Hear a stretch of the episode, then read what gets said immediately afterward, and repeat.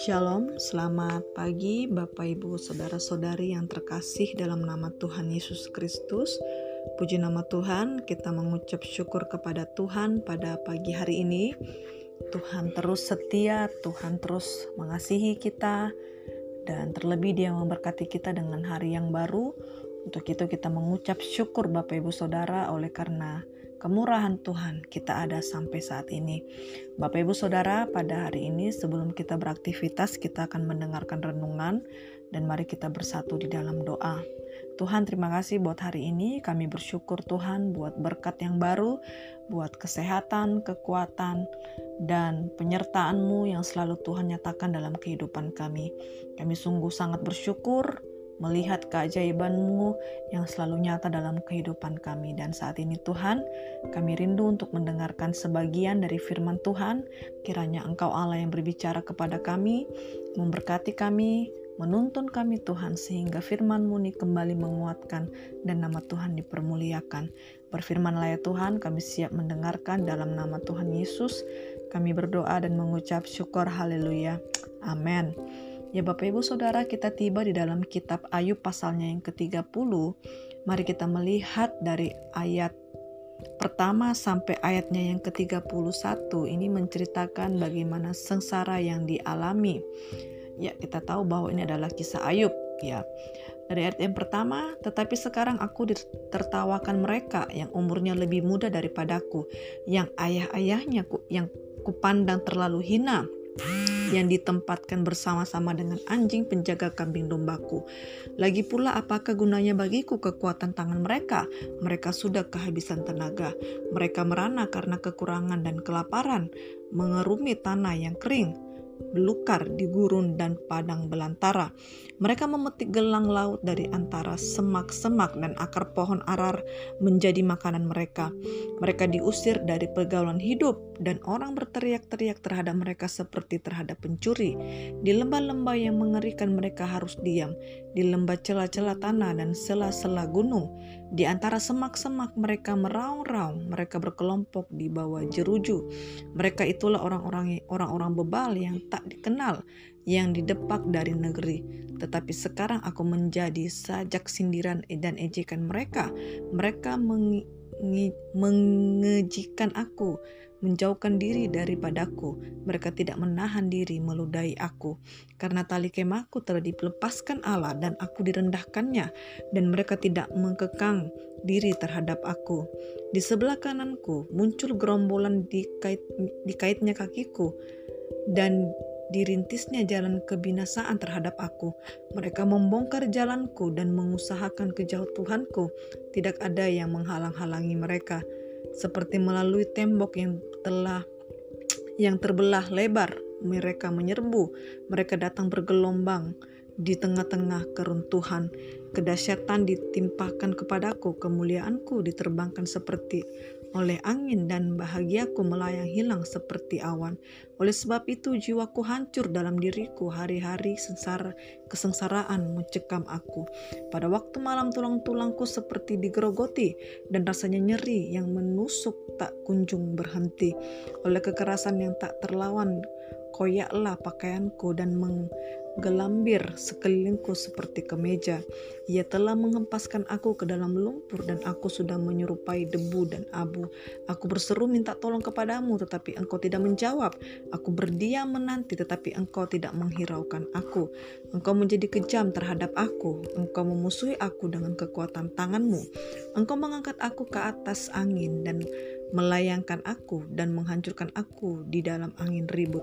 Ya, aku tahu engkau membawa aku kepada maut, ke tempat segala yang hidup dihimpunkan. Sesungguhnya masakan orang tidak akan mengulurkan tangannya kepada yang rebah. Jikalau ia dalam kecelakaannya tidak ada penolongnya, Bukankah aku menangis or karena orang yang mengalami hari kesukaran? Bukankah susah hatiku karena orang mis karena orang miskin? Tetapi ketika aku mengharapkan yang baik, maka kejahatanlah yang datang. Ketika aku menantikan terang, maka kegelapanlah yang datang. Batinku bergelora dan tak kunjung diam. Hari-hariku kesengsaraan telah melanda diriku dengan sedih dan tidak terhibur. Aku berkeliaran Aku berdiri di tengah-tengah jemaah sambil berteriak minta tolong. Aku telah menjadi saudara bagi serigala dan kawanan bagi burung onta. Kulitku menjadi hitam dan mengelupas dari tubuhku. Tulang-tulangku mengering karena demam. Permainan kecapiku menjadi ratapan dan tiupan serulingku menyerupai suara orang menangis. Ya Bapak Ibu, saudara-saudari yang terkasih dalam nama Tuhan Yesus, kita kembali melihat di kitab Ayub pasalnya yang ke-30 ini kembali menceritakan bagaimana kesengsaraan yang dialami oleh Ayub ya. Kita tahu bahwa bagaimana Ayub adalah merasakan penderitaan yang begitu dalam ya kita sudah mendengar dari pasal-pasal sebelumnya, Bapak Ibu Saudara, dari penjelasan yang sudah dikotbahkan setiap hari bahwa Ayub adalah orang yang paling menderita, yang paling sengsara hidupnya, ya seperti dia mengalami uh, kutukan yang tidak henti-hentinya Bapak Ibu Saudara. Kita melihat bagaimana kesengsaraan Ayub yang ia alami dalam kehidupannya. Dan ini tentu mengguncangkan uh, hati Ayub yang mengguncangkan pikirannya. Bahkan ini mengguncangkan iman dan juga mengguncangkan uh, secara jasmani dalam kehidupannya. Ya Bapak Ibu Saudara pasti kalau kita mengalami yang apa yang dialami Ayub pasti ini juga ya menjadi perenungan bagi kita. Ya ini bagaimana ketika Bapak Ibu menghadapi masalah menghadapi persoalan pasti itu semua akan mempengaruhi aspek kehidupan kita Bapak Ibu. Tidak hanya secara rohanian kita iman kita pasti akan semakin mengecil dan kita pasti dalam pengaruh kejasmani kita mungkin kita bawaannya pikiran terus ya. Kita tidak mau makan bahkan susah tidur. Dan itu yang akan mempengaruhi uh, dari segi jasmani dan rohanian kita. Ya tentu ini Bapak Ibu Saudara bahwa mengganggu sekali dalam kehidupan kita. Nah, kita melihat dari kehidupan Ayub ya. Mungkin Bapak Ibu melihat bahwa masalah yang dihadapi Ayub tidak seberat ya dengan masalah yang kita hadapi ya. Berbeda-beda setiap orang-orang yang memiliki pergumulan, masalah. Mungkin kalau ada pun yang sama ya mungkin hanya beberapa Ya, tetapi kita melihat secara keseluruhan memang Ayub ini adalah penderitaannya memang begitu bertubi-tubi dalam kehidupannya. Sehingga dia seperti mengalami tertekan batin Bapak Ibu. Oleh karena keluarganya ya teman-teman sahabatnya dan bahkan dia memikir bahwa Tuhan seperti meninggalkan Ayub, yang membiarkan Ayub, Bapak Ibu Saudara.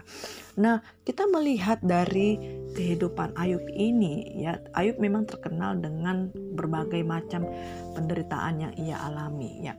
Kita melihat kembali belajar dari kisah Ayub di pasal yang ke-30 ini bahwa ini adalah seruan hati Ayub, ya, sensaraan Ayub yang ia kembali lontarkan kepada Tuhan. Seperti ia melihat bahwa kok seperti Tuhan berdiam diri padahal dia dulu adalah orang yang sangat dekat dengan Tuhan orang yang mengasihi Tuhan. Tapi makin lama kok seperti kehidupannya semakin hancur. Bahkan Tuhan seperti membiarkan Ayub. Dan ini adalah setentu mengguncangkan iman Ayub. Nah mari Bapak Ibu kita melihat di pasalnya yang ke-30 ini dari ayat pertama sampai ayatnya yang ke-31 ini Bapak Ibu Saudara. Ini kita melihat bagaimana seruan Ayub ya. Kekecewaan bahkan seperti uh, penyesalan yang ia alami. Dan dia begitu menceritakan bagaimana kembali ya teman-temannya bahkan orang-orang di sekitarnya. Bahkan ini yang menjadi fokus utamanya adalah dia uh, seperti berbicara kepada Tuhan.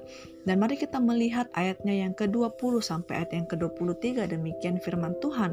Aku berseru minta tolong kepadamu tetapi engkau tidak menjawab. Aku berdia, aku berdiri menanti tetapi engkau tidak menghiraukan aku. Engkau menjadi kejam terhadap aku. Engkau memusuhi aku dengan kekuatan tanganmu. Engkau mengangkat aku ke atas angin, melayangkan aku, dan menghancurkan aku di dalam angin ribut.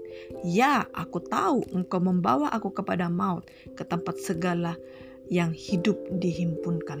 Nah, Bapak Ibu kita melihat bagaimana di sini Ayub berseru meminta tolong kepada Tuhan tetapi dia menganggap bahwa sepertinya Tuhan tidak mau menjawab keluh kesah Ayub. Seperti Tuhan membiarkan, bahkan seperti Tuhan benar-benar mengizinkan Ayub untuk menderita dan menghancurkan kehidupan Ayub. Bapak Ibu mungkin dalam kehidupan kita, kita pasti pernah mengalami hal seperti ini. Ketika ada masalah, baru kita menganggap bahwa Tuhan itu jahat, Tuhan itu tidak adil, Tuhan tidak memiliki kasih, Tuhan jauh dari saya. Ya, dan kita menganggap bahwa ternyata Tuhan tidak mau melihat saya bahagia terus. Tuhan tidak hanya mendatangkan berkat, tetapi Tuhan juga mendatangkan kutuk kepada saya. Bapak Ibu, mari kita melihat kembali dari kisah Ayub ini, ya. Kita mulai belajar bahwa dalam kehidupan kita jangan kita terlalu terfokus kepada masalah-masalah dan masalah yang terus datang kepada kita tanpa kita sadari dibanding berkat dan pencobaan yang kita alami, mana yang lebih banyak kita dapatkan Bapak Ibu? Mana yang lebih banyak kita rasakan? Tentu adalah berkat Tuhan. Dan tidak hanya berkat tetapi kebaikan Tuhan. Penyertaan Tuhan itu semua berasal daripada Tuhan. Tetapi kita tidak fokus kepada itu Bapak Ibu Saudara. Kita terlalu fokus kepada masalah yang terus menerus datang dalam kehidupan kita. Apakah pernah Bapak Ibu dalam satu hari menyadari dari Bapak Ibu bernafas, baru Bapak Ibu melakukan sesuatu, Bapak Ibu bisa mengerjakan sesuatu, Bapak Ibu bisa menikmati berkat Tuhan dalam satu hari itu? Apakah pernah kita memikirkan itu semua berasal daripada Tuhan? Atau justru waktu ketika ada masalah sedikit pun, langsung menganggap bahwa Tuhan jahat? Bapak Ibu, mari kita belajar dari kehidupan kita sampai saat ini. Mana kita terlalu fokus kepada Tuhan? Apakah kita fokus kepada masalah yang datang sehingga kita menganggap Tuhan tidak adil, Tuhan jahat sehingga Bapak Ibu bermalas-malasan untuk beribadah, bermalas-malasan untuk membangun komunikasi dengan Tuhan? Atau justru kita terus mengucap syukur atas segala sesuatu yang sudah Tuhan kerjakan? Ya terlalu banyak berkat kebaikan yang sudah Tuhan terima dalam yang sudah Tuhan nyatakan dalam kehidupan kita. Kita hanya terima saja Bapak Ibu. Kita terima dan kita nikmati tanpa kita sadari bahwa semua itu berasal daripada Tuhan.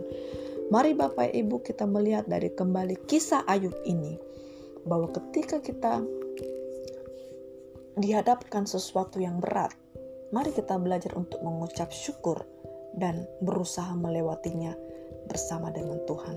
Karena kalau kita terus bersungut-sungut, kita terus menyalahkan Tuhan, tentu kita tidak akan bisa mampu melewatinya Bapak Ibu. Tapi ketika ada masalah datang, mari kita menikmati, mengucap syukur, dan tanpa ada bersungut-sungut kepada Tuhan. Dan meminta terus kekuatan daripada Tuhan, supaya kita mampu melewati itu semua bersama dengan Tuhan. Karena kalau kita andalkan kekuatan kita sendiri, Bapak Ibu, kita tidak bisa. Apa yang mau menjadi modal iman kita kuat? Sementara kita terus bersungut-sungut, kita terus jauh daripada Tuhan, sehingga masalah datang, kita mudah tergoyahkan. Mari Bapak Ibu belajar untuk bersyukur dalam segala aspek kehidupan kita. Jangan kita bersyukur ketika menerima berkat saja, ketika menerima hari yang baru, ketika melihat semuanya segala sesuatu baik, tapi marilah kita mengucap syukur ketika ada masalah datang dalam kehidupan kita.